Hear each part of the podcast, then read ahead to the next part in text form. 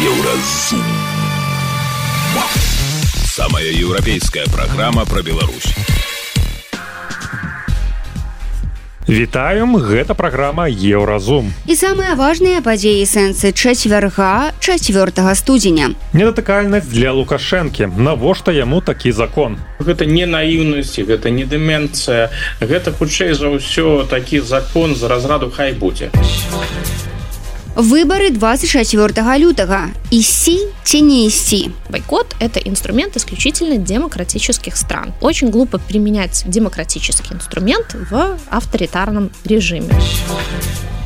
У Беларусі знікае малдаўскае віно. У чым справа? Усё гэта праз імпартныя квоты, якія вырашыла ўвесці беларуская дзяржава. Пра гэта ды іншае больш падрабязна цягам бліжэйшай гадзіны. Еўразум Беларусь у еўрапейскім фокусе. 3 студзеня Александр Лукашенко падпісаў папраўкі ў закон аб прэзідэнце згодна з якімі адпраўлены ў адстаўку кіраўнік краіны і чальцы яго сям'і надзяляюцца недатыкальнасцю спажыццёвай аховай і правам карыстання дзяржаўнай маёмасцю. То бок былы прэзідэнт яго сям'я не могуць быць пакараныя за злачынствы здзейсненыя за час кіравання краінай. Закон забараняе любыя працэсуальныя дзеянні ў дачыненні да экс-кіраўніка беларусі і па пазбаўлення яго волі. Сярод іншых цікавостак гэтага дакумента напрыклад тое што прэзідэнтам беларусі можа стаць беларус не старэйшы за 40 гадоў які цягам 20 апошніх гадоў пражываў на радзіме і не меў віда на жыхарства іншай краіны. А яшчэ былы беларускі прэзідэнт паводле абгрэджанага законам застаецца ў палітыцы становячыся дэлегатам усебеларускага народнага сходу і пажыццёвым чальцом савета рэспублікі. І ўсё ж чаму гэты дакумент выйшаў менавіта менавіта цяпер няўжо лукашенко лічыць что у краіне дзе не да законаў нехта будзе выконваць вось гэты яго закон? Запыталіся пра гэта ў гісторыка і палітычнага аглядальніка александра фрыдмана. Размову вядзе зміцер лукашук. Вот атрымліваецца что подстрахоўваецца таксама разлічваючы розныя варыянты. З іншага боку ведаеце мне вельмі спадабаўся один каментар я з гэтай нагоды вычытаў у фейсбуку таму не не прыпісываю аўтарства сабе які напісаў чалавек які ўсю сваю палітычную кар'еру займаўся тым что утоптаваў у бруд усе законы абыходзіў іх не звяртаў на іх увагі зараз прымае закон які мусіць яму нешта там гарантаваць Ну і задае каментатор пытання гэта наіўнасці ўжо дэмэнцыя так вось сапраўды неякось даволі дзіўна у краіне дзе у любы момант момант можа стаць інагда не да законаў прымае закон на які можна разлічваць А я думаю что гэта не наіўнасці гэта не дэмэнцыя гэта хутчэй за ўсё такі закон з разраду хай будзе Ну лукашенко лукашенко не такі наіўны чалавек які верыць у тое что ўсе тыя гаранты якія там прапісаны что гэта я не гэта сапраўды на 100соткавыя гарантыі что так і будзе. У яго ж ёсць пэўны палітычны вопыт. І не не гістарычны нават что ён там бы паглядзеў на лёс там не ведаю піначета альбо іншых дыктатараў якія сыходзілі. У яго ёсць гэты яго постсавецкі вопыт вопыт яго сяброў таго ж наш ну султана назарбаева з якім ён як сам казаў шмат размаўляе і разважае. І ён жа бачыць что там атрымалася і што не атрымалася. У таго ж назарбаева ж падавалася ну назарбаев гэта такі палітык такі такі вопыт такая азіяцкая хітрасць. Яшчэ савецкі вопыт савецкая номенклатура Ну і як памыліўся Назарбаев. Ну я думаю что лукашенко не лічыць сябе больш разумным за за Назарбаева. Вось гэта хутчэй за ўсё як я ўжо казаў Хай будзе. Ніхто не ведае як что там увогуле будзе як будуць разгортавацца падзеі? Можа лукашенко будзе ў такім фізічным стане что ён не зможа выконваць свае абавязки трэба так бы мовіць да гэтай сітуацыі падрыхтавацца. Не факт что гэта прыйдзецца вы выкарыстоўвацца але хай будзе з гэтым напэўна спіцца лукашэнку э, лепш чым без гэтага закону. Так что я б тут таких сур'ёзных высноваў бы не рабіў. У гэтым законе мне падалося цікавым толькі один момант. І он фактычна выключае у бліжэйшай перспектывы мікалая лукашенко як наступнага кіраўніка беларусі як прэзідэнта беларусі. Бо калі узрост прэзідэнта наўмысна ўзвышаецца до 40 гадоў ну для каго гэта дрэнная справа? Перш за ўсё для мікалая лукашен мікалая лукашэнкі. Але з другого бока пры жаданні калі лукашенко ўсё ж таки вырашыць рабіць яго пераемнікам ну раптам вось такая ідэя да яго прыйдзе можна будзе змяніць закон. Пакуль вось гэтая гісторыя з 40 годами выглядае так что мікалая на мікалая лукашенко як на пераемніка александр лукашенко не разлічвае. І гэта напэўна самое цікавае самое галоўнае. а некаторыя эксперты мяркуюць што Путін по-ранейшаму трымае беларускую армію ў якасці рэзерву і ў любы момант можа адправіць яе ваяваць супраць Украіны і лукашенко тут нічога не зробіць ці вартыя увагі такія прагнозы працягвае Александр Фридман конечно гэта верагоднасць ёсць. Сёння лукашенко працягвае маляваць вось беларускую армію як то якая ахоўвае рубяжы і беларусій і расійскай федэрацыі. То ён же падкрэсліваю мы удзельнічаем як я называю распорос ён кажа вайна распора спецыяльная вайсковая аперацыя мы удзельнічаем ён кажа адкрыта але у нас свая функція але функцыя канешне можа можа змяніцца тое что беларуская армія будзе накіравана на фронт сапраўды сапраўды на фронт Ну гэта выглядае на дадзены момант неверагодна для гэтага няма ніякіх подставаў у дадзены момант бо ўсё не ускладваюцца так ужо падзеі дрэнна для расійскай федэрацыі пра нейкі калапс расійскага фронта фронту пакуль увогуле гаворка не ідзе. Але розныя іншыя там дапаможныя функцыі ахоўныя функцыі альбо дапамога падрыхтоўцы ўсё гэта цалкам магчыма. Далейшыя пастаўкі зброі калі яшчэ засталося тое што можна было паставіць усё на гэтым узроўні гэта ўсё будзе працягвацца. Што малаверагодна насамрэч гэта тое што беларуская армія будзе актыўна ўдзельнічаць войне але тое яго ведае як зменіцца сітуацыя на фронте ў наступным годзе Як вы лічыце гэта ну з адсутнасць інфармацыі дакладнай разумення сітуацыі у вот это эксперта Дэні ці гэта ну я не ведаю нейкі такі папуліст папулісткая ці можа быть сапраўды спроба пера ў жанры фэнтэзі? Я думаю что тут гэта связано з фокусом яго даследаванняў. Ён займаецца геапалітыкай ён займаецца тэмамі бяспекі.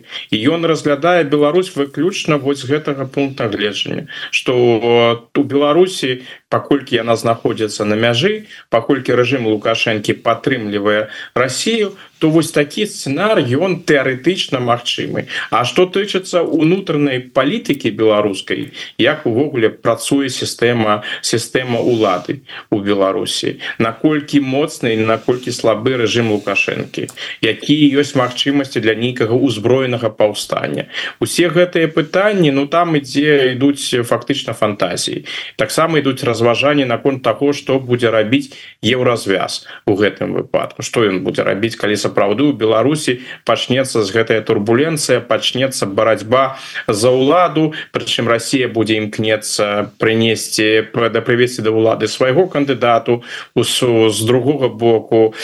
Апозіцыйныя як ён называе сілы будуць спрабаваць гэта прадухіліць і нават э, з дапамогай военной дапамогай. Што рабіць у гэтым выпадку еўразвязу? Будзе еўразвяз пастаўляць зброю будзе праводзіць нейкія таемныя аперацыі на тэрыторыі Беларусі альбо просто будзе назірацца сітуацыя. Ну гэта такія агульныя разважанні. Мне падаецца что калі нават уявіць такі сцэнар то спас пункта гледжання еўразвязу і увогуле захада ўсё зразумела. Захад хоча прадухіліць гэты сцэнар любым чынам бо лукашенко з пункту гледжання захада гэта канешне дрэнна. Это вельмі дрэнная опцыя для Еўропы тогда дрэнная опцыя для Беларусі але не найгоршая. Калі сапраўды на тэрыторыі Беларусі будзе нейкія там вайна нестабільнасць баявыя дзеянні альбо наўпрост Беларусь будзе далучана да Росіі альбо на смену лукашенко прыйдзе сапраўды чалавек які будзе выконваць усё что за будзе загадывать Россия але яшчэ і проявляць ініцыятыву то бок сам добраахвотна дашле беларус беларускай войскі на дапамогу России. Альбо скажу ну давайте можна же наносіць удары по украінскай тэрыторыі далей з тэрыторыі Беларусі давайте будем гэта рабіць. То бок яшчэ больш уцягне Беларусь у гэтую войну Ну гэта захаду відавочна не патрэбна не зацікаўлены ён у гэтым. Той статус-кво які ёсць на дадзены момант вось гэты лукашенко непрыемны скандальны правакацыйны лукашенко. Гэта ўсё ж таки з пункту гледжання захаду далёка не найгоршае что можна ў беларусі атрымаць сёння ну, з іншага боку калі тут такую ударыцца ў канспіралогію можна так падумаць что гэты артыкул акурат такі і падсвядома іграе на тое каб на захадзе сказалі ой вы ой тут такія перспектывы жахлівыя А вот ўсё ж таки нам вот гэты лукашенко пры ўсіх его хібах больш падыходзіць чым вось такая вайна ці нестабільнасць на тэрыторыі Беларусі. То можа давайте з ім вот що ж таки неяк вот яго падтрымаем там ну неяк там працягнем руку перагарнём старонку называйте як хочетце вот ці магчыма такое Ну я думаю тут бы я не перабольшу бы ўплыў гэтага артыкула і гэтага аўтара і гэтага выдання. То бок это такія разважанні про тое что что магчыма на ўзроўні на ўзроўні фантазіі. Ну зразумела гэта ўсё ж таки аўтар гэта навуковец а не а не пісьменнік фантаст. І таму там і таму там ёсць разважанні пра становішча і рэальныя ацэнкі. Напрыклад калі ён пачынае ў гэтым артыкуле разважаць наконт лукашэнкі і піша про тое что залежнасць вельмі моцная эканамічная палітычная ідэалагічная і гэтак далей ад Росіі гэта так. І адначасова ён подкрэслівае что ўсё ж таки нельга ўспрымаць лукашенко як такую 100соткавую марыянетку якая на 100соткаў залежная залежная от Москвы і тут мне падаецца вось я тут с ім пагаджуся. Ён мае рацыю. Залежнасць сапраўды ўсё большее і большее але лукашенко пакуль пэўнай самастойнасцю вал валодае так что ўсё ж таки я б так далёка не ішоў что тут нейкіе месаджы давайте дамаўляться дамаўляться з лукашенком давайте размаўляць лукашенком не тут просто описывается сценарый без там нейкіх прапановаў там прапановаў увогуле на гэты конт няма. Просто давайте гэта прыкладна з таго вось ёсць такая магчымасць давайте погуляемся давайте поразважаем что с такой ситуацией мы будем рабіць калі такая ситуация ну а паколькі такой ситуации сітуацыі як бы я сказаў на 99соткаў не будзе. Ну так это і застанецца тэарэтычнымі разважаннямі эфиры еўрарадыо быў палітычны аглядальнік Александр Фрыдман. Ён распавёў пра кепскія сцэнары для Беларусі на надышоўшы год і пракаментаваў закон аб недатыкальнасці лукашэнкі. Еўрарадыё кропка фм Далей у праграме Еўразум. Выбары 24 лютага. Ісці ці не ісці. Бойкот – это инструмент исключительно демократических стран. Очень глупо применять демократический инструмент в авторитарном режиме. У Беларусі знікае малдаўскае віно. У чым справа? Усё гэта праз імпартныя квоты, якія вырашыла ўвесці беларуская дзяржава. Сустрэнемся пасля навінаў спорту. Еўразум. Беларусь у еўрапейскім фокусе.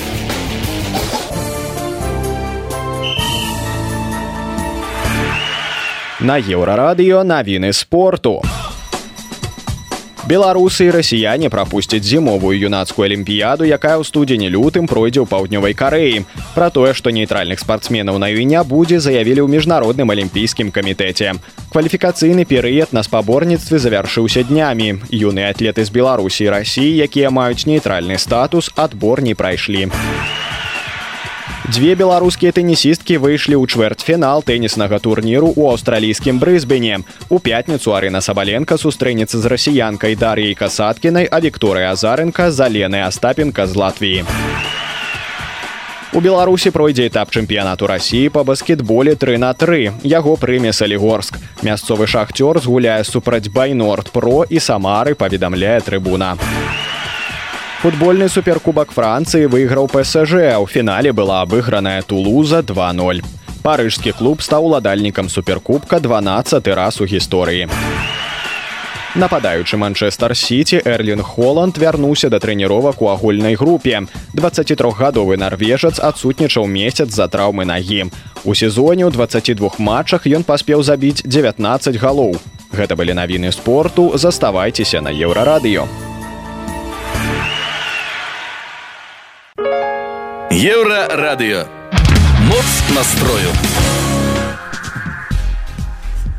24 лютага ў беларусі пройдуць выбары дэпутатаў у палату прадстаўнікоў і мясцовыя саветы і браць у іх удзел ці не дагэтуль не вырашанае пытаннем як для многіх беларусаў так і для дэмакратычнай супольнасці адныя выступаюць за поўны ігнор гэтага мерапрыемства іншыя ўсё ж за прыход на выбарчыя участкі і галасаванне супраць усіх кандыдатаў ну альбо за прыход і галасаванне толькі за лідара ліберальна-дэмакратычнай партыі беларус беларусі олега гайдукевича дык усё ж што рабіць? Ісці ці не ісці? І ўвогуле як выглядае падрыхтоўка да выбараў знутры сістэмы? Сваімі інсайдамі і парадамі з нашим рэдактарам з метром лукашуком подзялілася дзейная депутатка мінгарсавета экспертка кансультантка по мясцовым кіраванні і самакіраванні ольга цесакова як вы з пункту гледжання дасведчанага чалавека успрымаеце тую кампанію якая зараз плануецца ці ўжо распачала началася у Беларуси? Э, компания это идет уже давно, то есть мы скорее уже подходим к финишной прямой.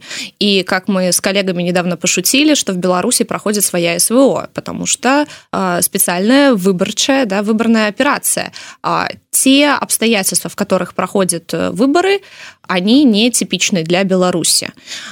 Стоит сказать, что, конечно же, изначально выборы местных советов должны были пройти в 2021 году до изменения Конституции, да, до того вот этого введения единого дня голосования. И э, территориальные комиссии, люди в эти комиссии подбирались уже на этапе 2021 года, по моим сведениям и тогда уже наблюдались определенные системы. Поэтому закрытие, например, списков членов избирательных комиссий для меня совершенно не стало чем-то новым. Это было ожидаемо, потому что в 2021 году люди не хотели идти, в 2023 люди тем более не хотели идти э, и участвовать скажем так, в этой электоральной кампании. А, из других тенденций, которые мы наблюдаем, а, это режим просто повышенной секретности. То есть, в принципе, смещение вот этого э, мероприятия на февраль, когда все подготовительные этапы проходят в декабре и в январе. То есть, например, если человек хочет выдвиж... Э, выдвинуться самостоятельно, сбор подписей, подача документов, это все приходится на период новогодних праздников, что, естественно, притупляет интерес, э, собственно, и кандидатов, и, естественно, избирателей. А, районки, которые отчитываются о том, как сейчас проходит сбор подписей э, на пикетах в поддержку кандидатов, потому что это излюбленная практика. Кандидат э, либо от партии, либо от трудового коллектива, ему настоятельно рекомендуется подкрепить свою, скажем, легитимность сбором подписей. Поэтому они используют обычно, я в свое время тоже использовала два способа выдвижения, то есть подаются и протоколы собраний, и подписи. Так вот, а, по отчетам забрюленные лица, забрюленные эти подписные бланки, кто эти люди, что эти люди, никто ничего не знает, и это все публикуется не на первых полосах. То есть а, сама цель, а, мы когда вот эм, обсуждали, например, а, что угроза это допустить оппозиционных кандидатов, у меня ощущение складывается, что у нас нужно не допустить избирателей до избирательных участков и вообще про это максимально не рассказывать, не распыляться, не привлекать внимание граждан к тому, что проходит. Потому что, понятно, это тестовый сейчас вариант перед президентскими выборами. Нужно проверить, как устояла система, как она в состоянии функционировать, планировать, готова ли она к новому броску в 25 году. Вот э, у мяне адразу э, два пытання тут з гэтай нагоды узнікае па-перша то есть ну вот вот это невядома э, хто у выбарчых камісіях і фактычна там как бы вот заблюраныя як вы кажаце там э, імёны э, тых прэтэндэнтаў у депутаты э, так званые. То есть это что вот это нормально? Ці чаго яны боятся? Вот з чым это звязана як як вот вы тлумачыце это сабе это совершенно ненормально. Я говорю говорю, это э, направлено только на то, чтобы не привлекать внимание людей. То есть до участков долж, до, должны дойти только те, кто зависим от государства, то есть бюджетники, которые в любом случае пойдут голосовать, чтобы у остальных граждан, у которых могут быть свои мнения, да, могут быть свои пожелания кандидатам, они вдруг могут смутить их какими-то вопросами, да, из разряда, а почему вы вообще... А такие застались? Да, есть еще такие люди. Слушайте, ну вот, э, глядите, э, у нас, э, у меня такое отчувание, что у нас застались, э, ну, альбо бюджетники, альбо тым ці іншым чынам люди залежные. Коли мы кажем про бюджетников, ну, это зразумело, кто, починаючи там э, так званых силовиков, там, милиционеров, всех остатних, ну и далее там чиновники, докторы, э, наставники и гэтак далее, ну, зразумело, кто, и они зразумела что яны залежаць але калі нават браць там супрацоўнікаў прадпрыемстваў но яны ж таксама залежныя ўсе. У ко на кожным прадпрыемстве ёсць зараз і адказны за ідэалагічную працу які будуць будзе кантраляваць пайшлі людзі не пайшлі а Мачыма нават запатрабуе там як каб пацвердзілі за каго яны галасавалі а не звальненне там ці пазбаўленне прэміі ці яшчэ что-нибудь ну, уплываць можна то есть усе залежны залежныя. Усе могуць ісці спокойно галасаваць тому что яны залежныя. Ну нету доверия нету доверия к людям оно было утеряно в двадцатом году и не вернулось. Не было бы смысла проводить такие репрессии и принимать все эти меры если бы чиновники и госаппарат был уверен в том что они устоят на двух ногах такой уверенности нет поэтому для бюджетников помимо принудительного механизма сейчас используются плюшки это естественно с 1 января да, увеличение и минимальной заработной платы базовая ставка пенсии повышают с февраля, чтобы как раз-таки в феврале пенсионеры получили прибавку, которая выглядит достаточно значительной, и пришли, проголосовали, чтобы было понятно, кому говорить спасибо. То есть все равно используется этот метод, потому что, ну, я имею в виду кнута и пряника, и пряник дается, потому что все равно даже при таком уровне контроля находятся неблагонадежные. Мало того, что неблагонадежные, так есть еще люди, которые действительно выдвигаются депутатами, и мы проводим сейчас такую небольшую кампанию по поддержке этих людей.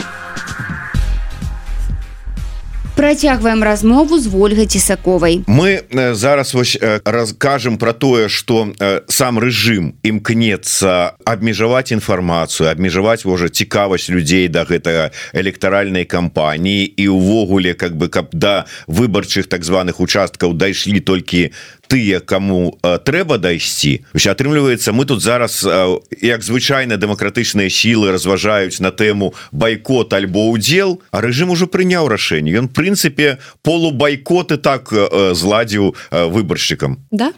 Дарэча вот вы у гэтай спрадвечнай амаль гамлетаўскай сцэнке байкот альбо удзел на якім баку? Конечно же за участие. Ну то есть это достаточно понятный механизм потому что при принцип политического существования – это политическая борьба, да, политическое участие в процессах, которые происходят. А, плюс мы делаем поправку на ситуацию, которая в стране. Бойкот – это инструмент исключительно демократических стран. А, и очень глупо применять демократический инструмент в авторитарном режиме, да, и надеяться, что вот, да, если вы там ботинком будете забивать гвоздь, то вы его забьете. Может, и забьете, но, скорее всего, вы испортите ботинок. Поэтому, а, и это не только там мое мнение, писала небольшую статью, есть отличное исследование Мэтью Френкеля о том, что, в принципе, такое бойкот, как работают эти механизмы. Он за 20 лет проанализировал 171 электоральную кампанию бойкота, и оказалось, что только 7 было успешных. Это меньше 4%. Наверное, это о чем-то говорит. Да? Не то, чтобы наш случай исключителен.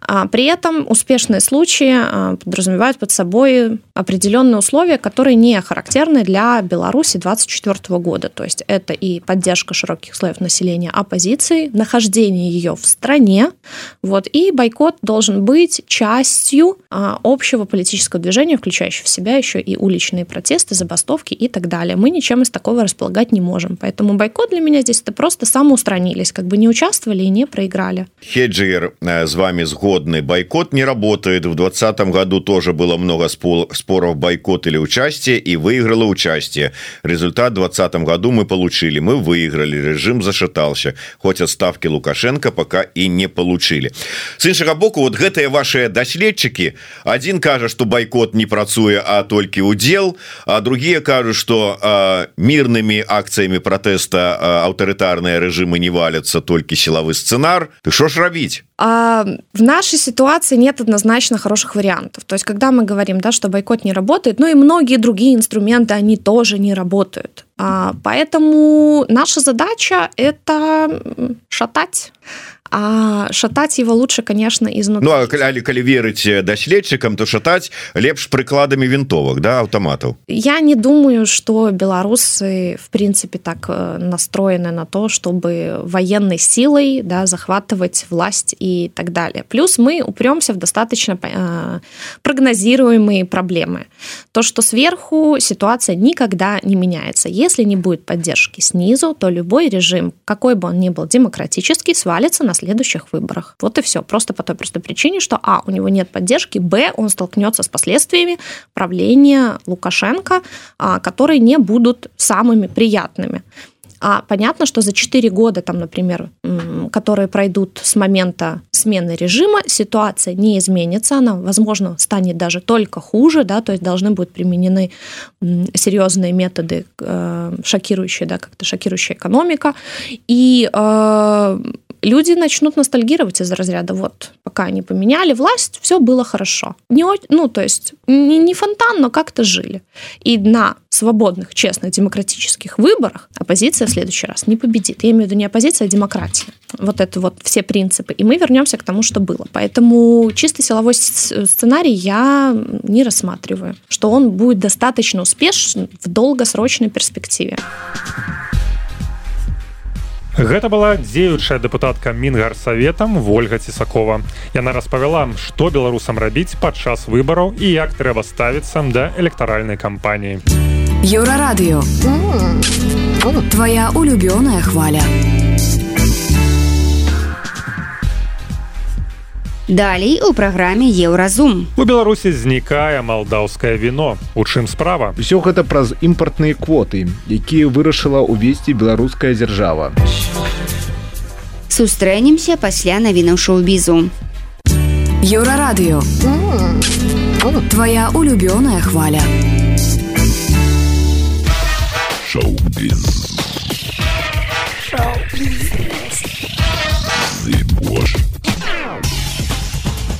Навіны шоу-бізу на еўрарадыё. Актер Шае Лабаф пасля прыняцця сакраменту канфірмацыі пацвердзіў сваё ўступленне ў каталіцкі касцёл. Паведамляецца, што ён плануе ў будучыні стаць д'яканам. Лабаф, які перайшоў у каталіцтва пасля здымак у фільме Падрыпія, выказаў жаданне прыняць сан дыяканату натхнённы роляй у фільме. Выхаваны ў міжканфесіянальнай сям'і, ён раней казаў аб пераходзе ў каталіцтва на фоне асабістых праблем. Шая падзякаваў акцёру і рэжысёру Мелу гіпсану за тое, што ён пазнаёміў яго з аспектамі каталіцтва у тым ліку з лацінскай імшой.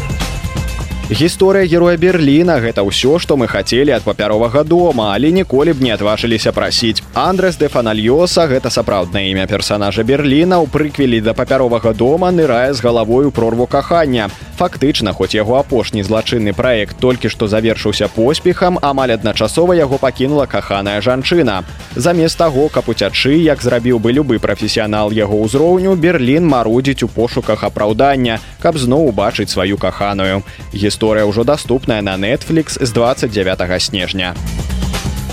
Клэр Фой падзялілася сваёй найгоршай акцёрскай нататкай падчас прэс-тура стужкі of us Strangers. Узгадваючы сваю першую працу на тэлебачанні, Фой распавяла, што рэжысёр крычаў на яе. Інцыдэнт меў месца падчас яе дэбютнай працы ў 23 гады, і яна прызналася, што такое супрацоўніцтва было абразлівым. Фой падкрэсліла, што рэжысёр замест таго, каб накіроўваць новую актрысу, палічыў за лепшае публічна яе крытыкаваць. Нягледзячы на першапачатковыя цяжкасці, Фой працягвала сваю акцёрскую кар'еру, здабыўшы прызнанне за ролю каралевы Лізаветы ў серыяле карона тэатральныя трупы скардзяцца на цэнзуру з боку ўрада горада кінтанар дэла ордэна пасля адмены іх п'есы з-за нібыта выклікаючых абурэння сцэн у ніжняй бялізне. Урад, які кантралюецца кансерватарамі з новай партыі і падтрымліваецца ультраправай вокс, выключыў п'есу з культурнай праграмы. Спасылаючыся на магчымы скандал у грамадстве. Акцёры лічаць што адмена звязаная з нязгодай са зместам п'есы якая закранае важныя тэмы такія як здзекі выхаванне дзяцей псіхічныя захворванні і дэпрэсія. Прэм'ер-міністр іспаніі міністр культуры асудзілі дзеянні муніцыпалітэта і выказалі падтрымку свабодзе слова. Гэта былі навіны шоу-бізу. Заставайцеся на еўрарадыё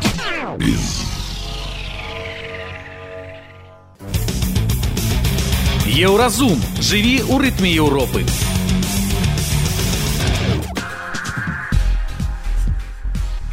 Некалькі чытачоў звярнуліся ў рэдакцыю еўрарадыо са скаргамі на тое, што ў мінскіх супермаркетах прыкметна знізіўся выбар малдаўскага віна. У даволі буйных гандлёвых сетках можна знайсці ўсяго дзве-тры пазіцыі. Яшчэ ў адной сетцы, якая займаецца продажам алкаголю, віна з Малдовы няма зусім. У той жа час паводле звестак нацыянальнага бюро статыстыкі Малдовы у 2022 годзе Беларусь была галоўным імпарцёрам іх віна. У нашу краіну адправілі 3,2 мільёны дэкалітраў высакароднага напою. А цяпер выглядае на тое што распрадаюць рэшткі. Мы паспрабавалі высветліць куды падзелася упадабаная беларусамі малдаўскае віно і ў чым прычына яго магчымай прапажы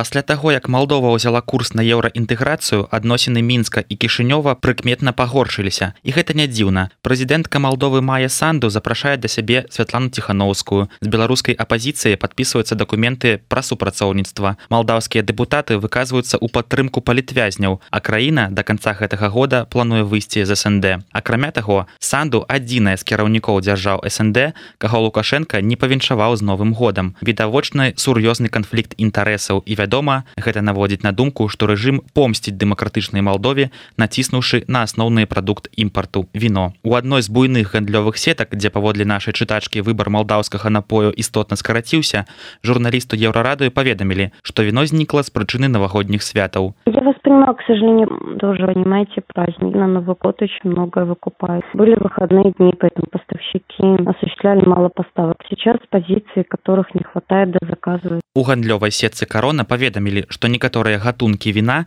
перасталі прадавацца яшчэ з ліпеня 2023 года его не было у нас июля месяца поэтому его нету поставщика поэтому его нет в ассортименте они дают то что вот у них есть на складе поэтому они дают может в этом году что-то поменяется но пока информации конкретной нету звоните на замок может у них есть вино как в остатках если им поступало это вино больш цікавая сітуацыя з крамамі унітарнага прадпрыемства белмытня сервис сама кампанія пазіцыянуе сябе як адзін з найбуйнейшых імпарцёраў алкагольнай прадукцыі ў Беларусь. На іх сайце гаворыцца што яны займаюцца пастаўкамі алкаголю наўпрост ад пастаўшчыкоў у тым ліку з Малдовы. На гарачай лініі журналісту паведамілі што казаць пра тое чаму выбар малдаўскага віна скараціўся не могуць. Прыватная інфармацыя. Аднак пасля званка ў адну з крамаў сёе-тое праяснілася. Молдовы у нас нет уже практически год. Остатки какие-то когда-то привозили откуда-то на складе нашли но этого давно уже нет. Я понимаю не возят. Мы не сотрудничаем. Возможно с доставкой вопросы возможно санкции какие-то. Ну, ну у нас информации нет нет такой вообще никакой. Возможно где-то в областях какие-то остатки где-то и есть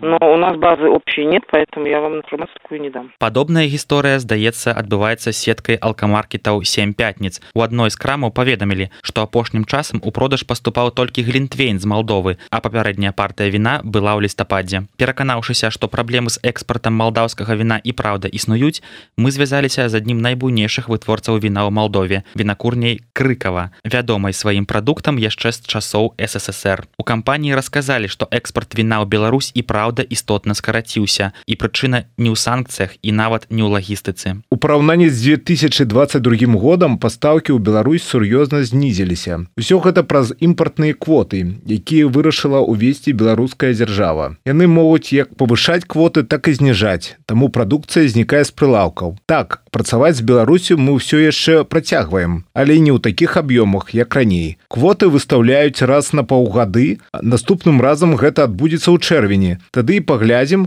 можа нешта зменіцца. А вось у беларускім прадстаўніцтве кампаніі сказалі што выбар віна павялічыцца трэба проста пачакаць. Так ці інакш скарачэння паставак высакароднага напою з сонечнай малдовы ёсць што ўжо адчуў на сабе беларускі спажывец. Чаму Беларусь уводзіць квоты на іх віно не зусім зразумела. Эканаміст вален Канстанцін сакалоўскі дапусціў што гэта звязана з карупцыйнай схемай па дзяльбе гэтых самых квот. Беларусам засталося дачакацца лета і паглядзець ці вернецца недарагое малдаўскае віно на паліцы крамаў інфармацыйная служба еўрарадыо Гэта была праграма еўразум штодзённы інфармацыйны падкаст еўрарадыё кожны дзень мы распавядаем пра самыя галоўныя навіны беларусі і свету. А сённяшні выпуск скончаны. Беражыце сябе. Пачуемся.